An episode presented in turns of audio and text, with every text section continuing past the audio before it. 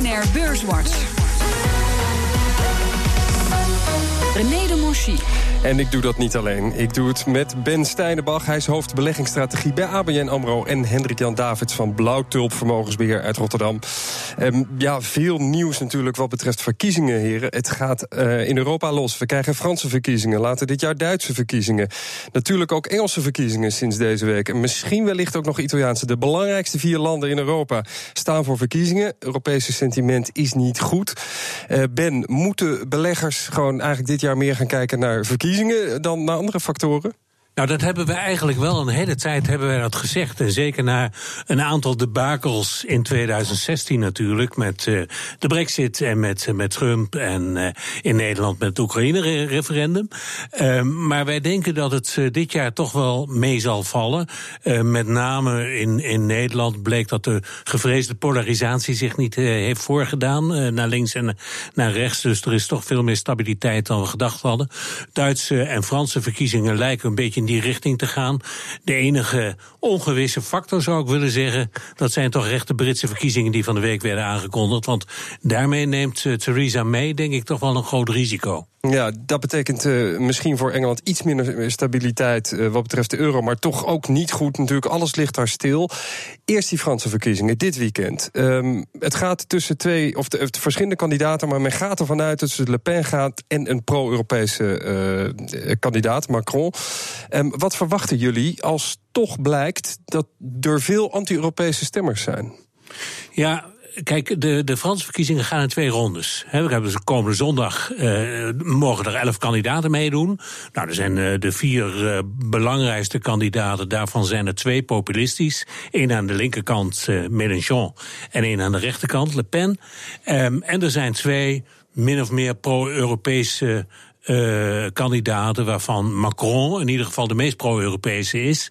Uh, waarschijnlijk, hè, zoals het er nu naar uitziet in de peilingen in ieder geval, en voor wat peilingen waard zijn. Ja, dat zeg je wat. Ja. Peilingen zijn palingen, hè, moeilijk te vatten. Ja. Uh, maar in ieder geval lijkt het erop dat, dat Macron en Le Pen op dit moment zullen gaan winnen. En dan blijkt uit de peilingen dat. Kijk, Le Pen zit natuurlijk heel erg rechts op dat, op dat politieke spectrum. Dat betekent dat er een wereld te winnen is voor Macron. En alle peilingen wijzen erop dat Macron dan met de zegen ervan doorgaat.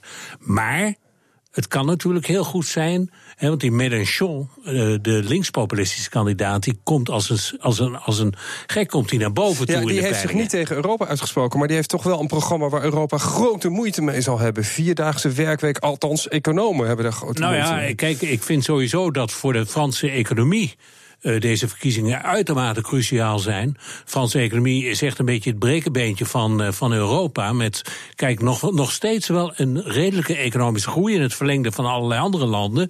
Maar als je kijkt naar de onderliggende uh, ontwikkelingen op het gebied van de overheidsfinanciën, maar ook op het gebied van regelgeving in het bedrijfsleven en regelgeving op alle op tal van gebieden, dan, dan is dat land is enorm verstart. En dan zou iemand als Macron die zou dat wel eens een keer kunnen gaan doorbreken. En de andere drie kandidaten zullen dat veel minder doen, denk ik. En Jan, uh, hebben jullie daar uh, tegen ingedekt? Hebben jullie gezegd van, oeh, we weten het niet, het is onzeker, peilingen dicht bij elkaar, we moeten iets doen? Ik denk dat het altijd verstandig is om je in te dekken tegen onzekere gebeurtenissen. En verkiezingen zijn er daar uh, eentje van. Tegelijkertijd hebben we vorig jaar geleerd dat onverwachte verkiezingsuitslagen Brexit, uh, Donald Trump, uh, niet altijd het effect hebben dat je vooraf misschien zou verwachten als, uh, als belegger. Dus ja, indekken tegen de risico's is goed, maar er al vanuit gaan dat het een bepaalde kant op gaat, is toch. Uh... is ook niet goed. Maar Goldman heeft vorige week gezegd: van nou, uh, get rid of your uh, Franse staatsleningen. Zorg dat je die niet hebt. Of in elk geval, wees daar voorzichtig mee. Dat zegt toch wel wat over hoe beleggers erin staan op dit moment. Ja, ik, ik, ik denk inderdaad wel dat op termijn zal het een keer een probleem zijn. Uh, we schuiven het als het ware voor ons uit. Maar wanneer het moment komt dat we geconfronteerd worden met, uh, met de werkelijkheid, dat, dat is uh, de dat vraag. Dat is eigenlijk de vraag. Het ja. moment waarop. Ik denk dat Ben het er ook wel mee eens is. Ja, nee, zeker. Maar ik, ik denk ook dat, dat Franse staatsobligaties het heel goed kunnen doen op het moment dat Macron wel wint. He, en, en nu is de spread die ligt op 60, 70 basispunten. En met de Duitse, met de Duitse, Duitse, met de Duitse ja. staatsleningen. He, en, en dat is voor een belangrijk deel, is dat voor veroorzaakt doordat Le Pen uh, bovenaan in de peilingen stond. En later begon Fillon. Die begon problemen te krijgen met, uh, met betalingen aan zijn vrouw en, en kinderen. en, en toen Macron uh, juist in de peiling omhoog kwam, zag je dat renteverschil zag je juist weer wat, wat, wat teruggaan. Een duidelijke voorkeur voor beleggers uh, voor Macron. Ja, dat denk ik wel. En als hij wint, dan gaat, gaat die eh, spread gewoon weer naar, naar 30 basispunten. Dus het zou op maandagochtend, uh, Hendrik Jan, wel wat beweging kunnen geven als Macron wint. Ja, ik denk dat de rentemarkten gevoeliger daarvoor zijn dan de aandelenmarkten. Ja, dat is absoluut dat is een feit. Dan toch even naar Amerika. men ging ervan uit dat er nog wat renteverlagingen komen. Maar langzaamaan hebt dat gevoel toch weg. Oh, renteverhoging, goed dat je het zegt. Renteverhoging gaan komen, maar toch hebt dat gevoel langzaam weg. Uh, wat verwachten jullie bij ABN? Is er inderdaad kans op minder renteverhogingen dan verwacht werd? Ja, die kans is er altijd. En, en ik, ik denk ook dat uh, Goldman Sachs heeft er ook op gewezen... van de Fed staat niet te trappelen om, om de rente te verhogen.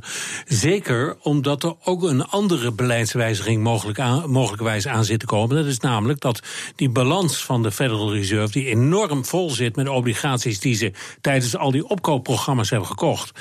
Die balans moet een keer verkleind worden. En ze hebben erop gehind, niet, niet veel meer dan dat overigens hoor, maar ze hebben erop gehind om die balans te gaan verkleinen. Dat heeft ook een verkrappende effect natuurlijk op de, op de economie.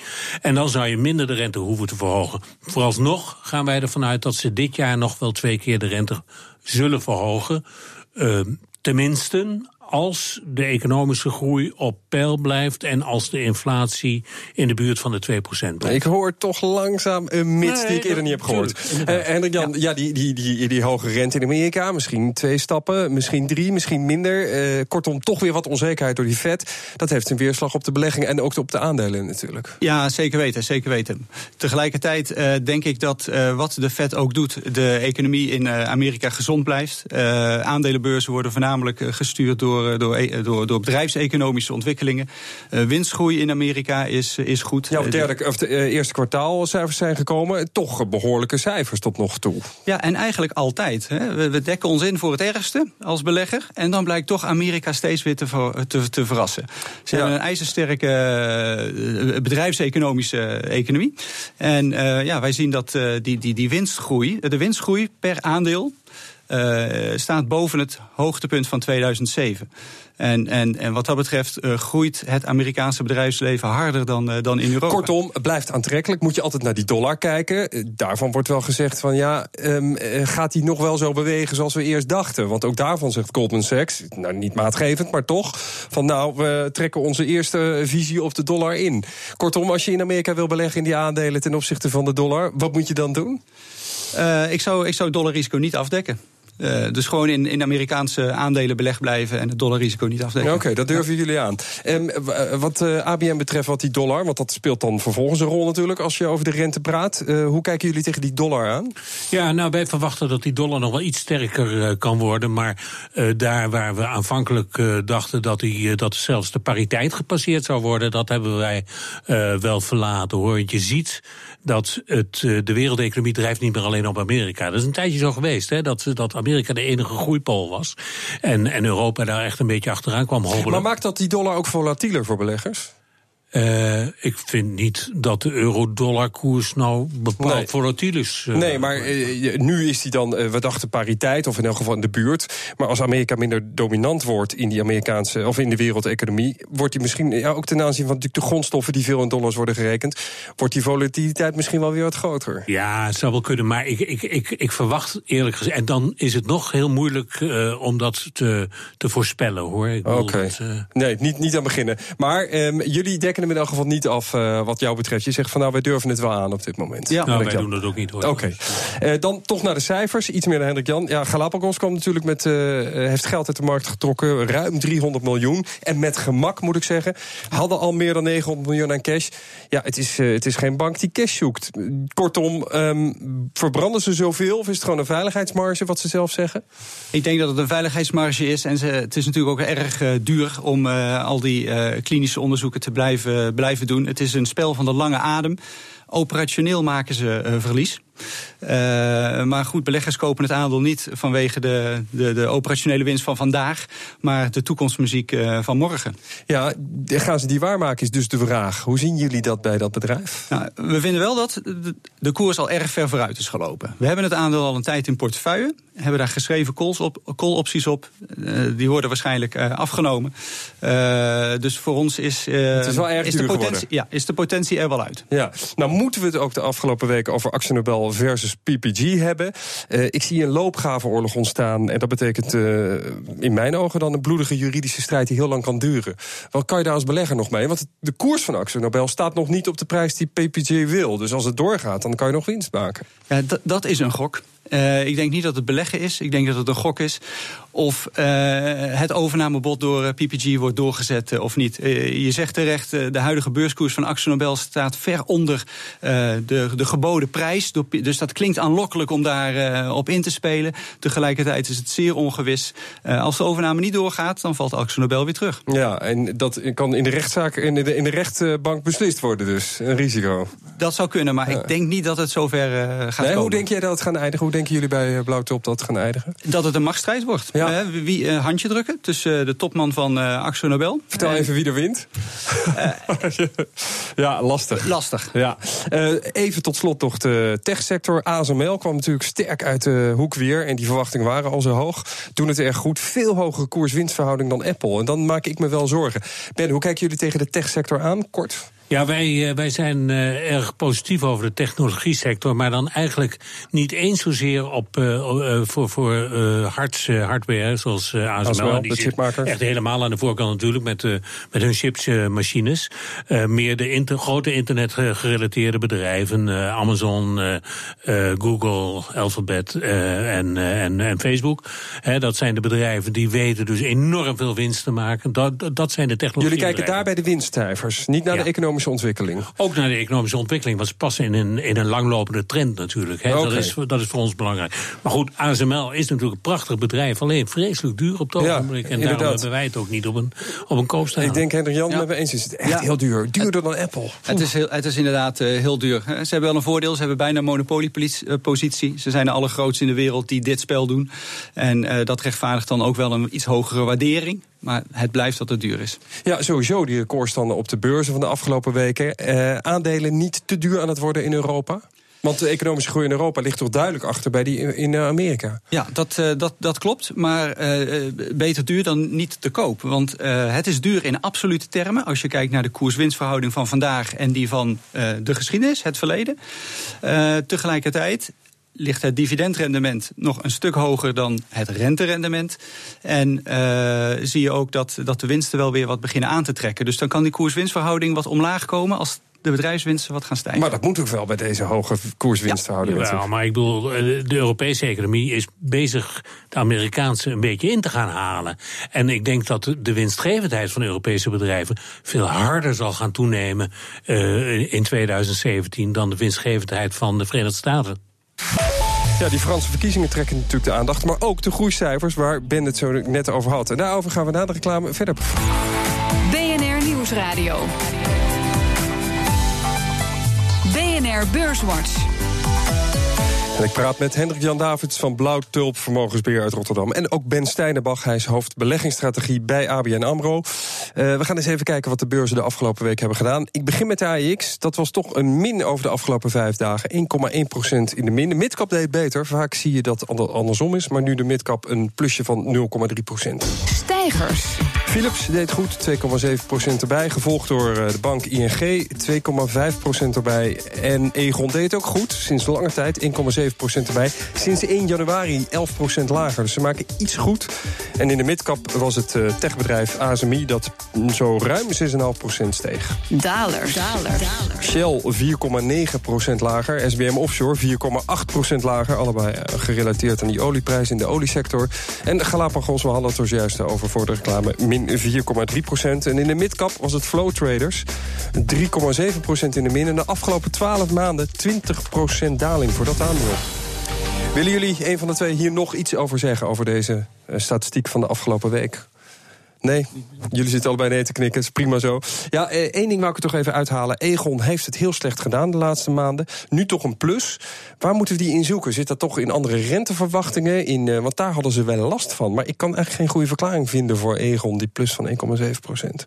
Jullie hebben er ook geen voor. Nee, dan laten we het hierbij zitten. Gaan we vooruitkijken komende week. Onder andere Philips komt met cijfers, Binkbank komt met cijfers. Komen uh, veel macro-economische cijfers. En uh, ik wou maar even bij Binkbank beginnen. Hendrik Jan, we hadden het er hier voor de uitzending al even over. Je zei, ja, ik heb daar toch wel een kijk op. Binkbank heeft natuurlijk wel een beetje gesukkeld de laatste, nou bijna laatste jaar mag ik wel zeggen, of langer. Hoe Ja. kijk jij daar tegenaan, tegen het aandeel? Ja, dat is, ze sukkelen inderdaad. Ze worstelen een beetje met hun strategie. Hè. Na- Naar buiten toe is de strategie dat ze willen diversificeren. Dat ze niet alleen afhankelijk willen zijn van de, de brokerage-inkomsten, de transactievergoedingen. Eh, dat, dat lukt maar mondjesmaat. Ze doen daar eh, zeer verwoede pogingen toe. Maar de belegger wil het resultaat eh, nog zien. Misschien moeten we Binkbank daarvoor wat meer tijd geven. Heel recent zag je dat ze een online vermogensbeheerder, een fintech-bedrijf, eh, Prittel hebben overgenomen. Eh, heel erg duur. Ze hebben daar veel geld voor betaald. En het is maar de vraag of ze dat eh, gaan terugverdienen. Betekent dat dat je eigenlijk eh goede verwachting koopt bij dit aandeel... of dat je het überhaupt maar even niet moet hebben? Nou, je kunt het hebben omdat het een dividendrendement heeft van 5% Eh, ik denk dat het een stabiel bedrijf is. Er zullen geen gekke dingen gebeuren. Dus als je op zoek bent naar wat rust in je portefeuille. eh, het aandeel is gedaald in de laatste maanden. Kun je het nu ook op wat goedkopere koersen, wat, wat lagere waarderingen eh, kopen. Maar koop het niet voor de groeiverwachtingen of voor, voor een verdubbeling daarvan. Nee, het is een beetje voor de stabiliteit in je portefeuille. Dat Ja. is het eigenlijk. Ehm, nou, verder, Axel komt met eh, kwartaalcijfers. Eh, nou zitten die natuurlijk in een soort van overname. Dat ze een deel van de merken eh, zouden kunnen verkopen aan, eh, aan PON. Ehm, dat moet natuurlijk nog wel goedgekeurd worden door de, door de aandeelhouders, meen ik, uit mijn hoofd. Maar hoe dan ook, eh, daarmee verkoopt Axel natuurlijk wel een deel van de mooie merken. En eh, de, de- de, overname van Axel heeft het heel goed gedaan op de beurs natuurlijk. Wordt Axel nog wel een aantrekkelijk aandeel op deze manier? Nou, het zit zo dicht bij de overnameprijs. Het is volgens mij minder dan een euro er vandaan. Eh, iedereen lijkt het erover eens. De koper en de verkoper hebben al. Kom je niet meer tussen? Daar kom je niet meer tussen. Dus ik denk dat er weinig opwaartspotentieel is. daar. Ja, dus gewoon als je het hebt nu, nu kan je het verkopen. Precies, neem je betreft. winst en ga op zoek naar een Hebben jullie ook gedaan? Zaten jullie erin? Het zat inderdaad in portefeuille ruim voor de overnamebod. nou, dat overnamebod is dan de, de slagroom op de taart eh, geweest op deze positie. Absoluut. Maar nu hebben, we- zijn we afscheid aan het nemen. Het, het is die laatste euro niet meer waard. Nee. Ehm, er komen ook verschillende macro-economische cijfers uit Amerika. Ook staatsschuld, zag ik. Dat lijkt me nog wel een hele interessante. Ben, waar gaan jullie naar kijken volgende week wat betreft beleggingen? Eh, wij kijken eigenlijk hoofdzakelijk volgende week naar eh, vertrouwensindicatoren. En dan geldt het zowel het producentenvertrouwen, en dan is de belangrijkste verreweg eh, het IVO, eh, de IVO-index, het Duitse producentenvertrouwen. Dat ligt al op een hoog niveau. gemiddeld genomen over de afgelopen 10, 12 jaar lag dat ergens in de buurt van 105. Dat zit nu op, op 113, op 112, sorry. Ehm, en de top, Erg hoog. En, ja, maar de top was in 2007 eh, 115 ongeveer. In Ja. 2010, 2011 ook nog eens een keer. Dus het ligt erg hoog. Maar het is ook een reflectie van de kracht van de Duitse economie. De Duitse economie eh, wordt gekenmerkt door enorm grote bedrijven. Veel in de kapitaalgoederensector, automobielsector, et cetera. Maar wanneer zijn jullie nou teleurgesteld? eh, bij welk cijfer? Waar moet het op uitkomen? Oh, ik denk, ik denk dat als het onder de 112 uitkomt, dan zijn wij al wel teleurgesteld. Want ik denk niet dat dat zal gebeuren ook. Maar is eh, Duitsland niet gevangen van zijn groei? En de beleggers dus ook van de Duitse groei? Nee, maar er zit, er zit nog steeds heel veel potentieel in. En ook heel veel innovatiekracht. Hè. Want rondom die grote bedrijven in Duitsland heb je heel veel. een cluster als het ware van familiebedrijven. die ongelooflijk innovatief zijn. Hè. En daardoor doet die Duitse in- industrie doet, doet het zo goed. Maar Merkel moet ook met plannen komen. eh, Verkiezingen. Eh, Ze heeft al gezegd: ik wil belastingen verlagen. Ik geloof 15 miljard en heeft ze een plan. Ehm, het moet wel uitgegeven worden door die Duitsers, wat heel Europa zou helpen. Dat komt maar niet van de Ja, grond. dat, dat, dat is nou één keer inherent aan de Duitsers. Dus verkopen ze het maar in het buitenland. En dat gaat ze ook heel goed af natuurlijk. Oké. Ehm, eh, waar gaan jullie op letten bij eh Blauwtulp? Nou, we- eh, we hadden het net over technologie. En in het bijzonder de biotechnologie sector is, eh, is een sector die wij weer helemaal terug, eh, terug zien komen. Dus dat is wel een accent eh, waar we aandacht eh, voor hebben. Maar dat geldt over het algemeen als een risicoaandeel. Is dit, Zeker. eh, eh, waar kijken Ja. jullie naar? Nou, we hadden het net over Galapagos. Hè. Dat is inderdaad wat, eh, wat duur aan het worden. Maar de sector als geheel eh, vinden we nog steeds eh, interessant. Buitenland. Een beetje afwachten of de Trump-care, de opvolger van Obamacare, er wel gaat komen. Dat zou negatief zijn voor de sector, maar het lijkt dat Obamacare toch wel gewonnen heeft.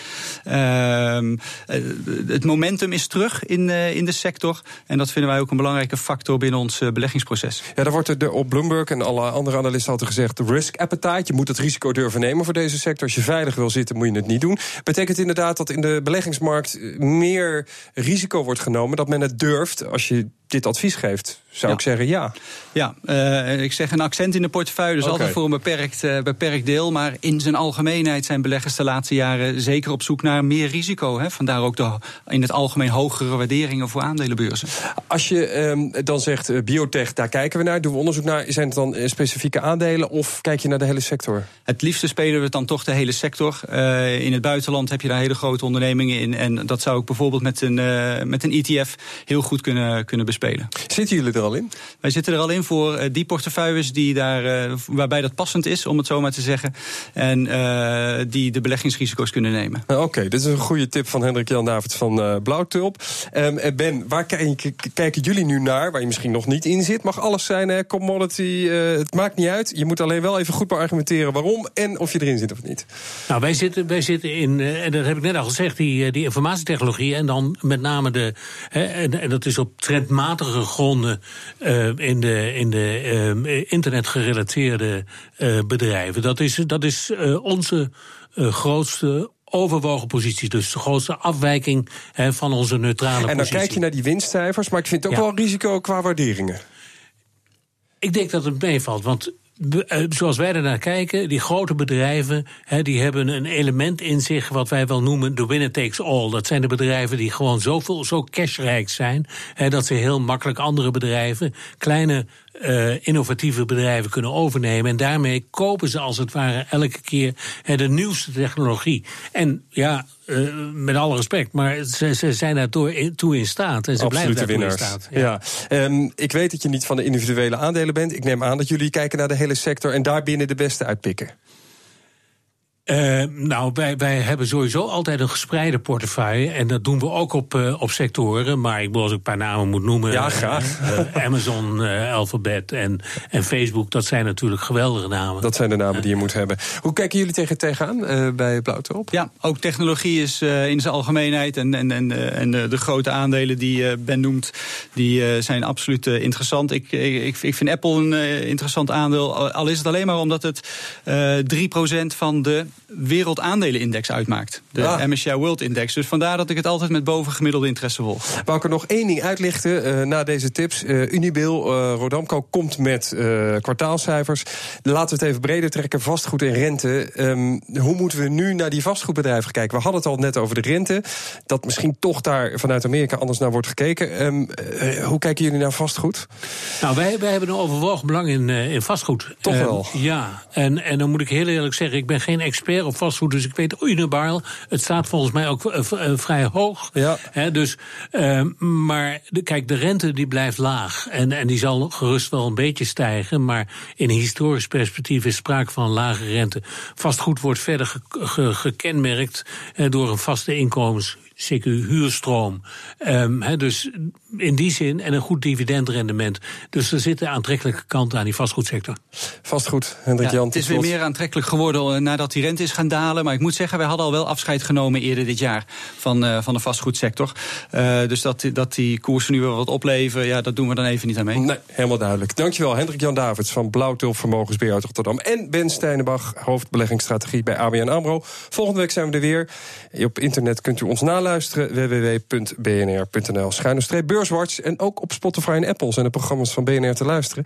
Of via de BNR natuurlijk gewoon gratis downloaden, die app. En dan kunt u het naluisteren. Vragen voor mijn gasten naar BNR of René underscore de Monchy. En dan wens ik u nog een succesvolle beleggingsweek.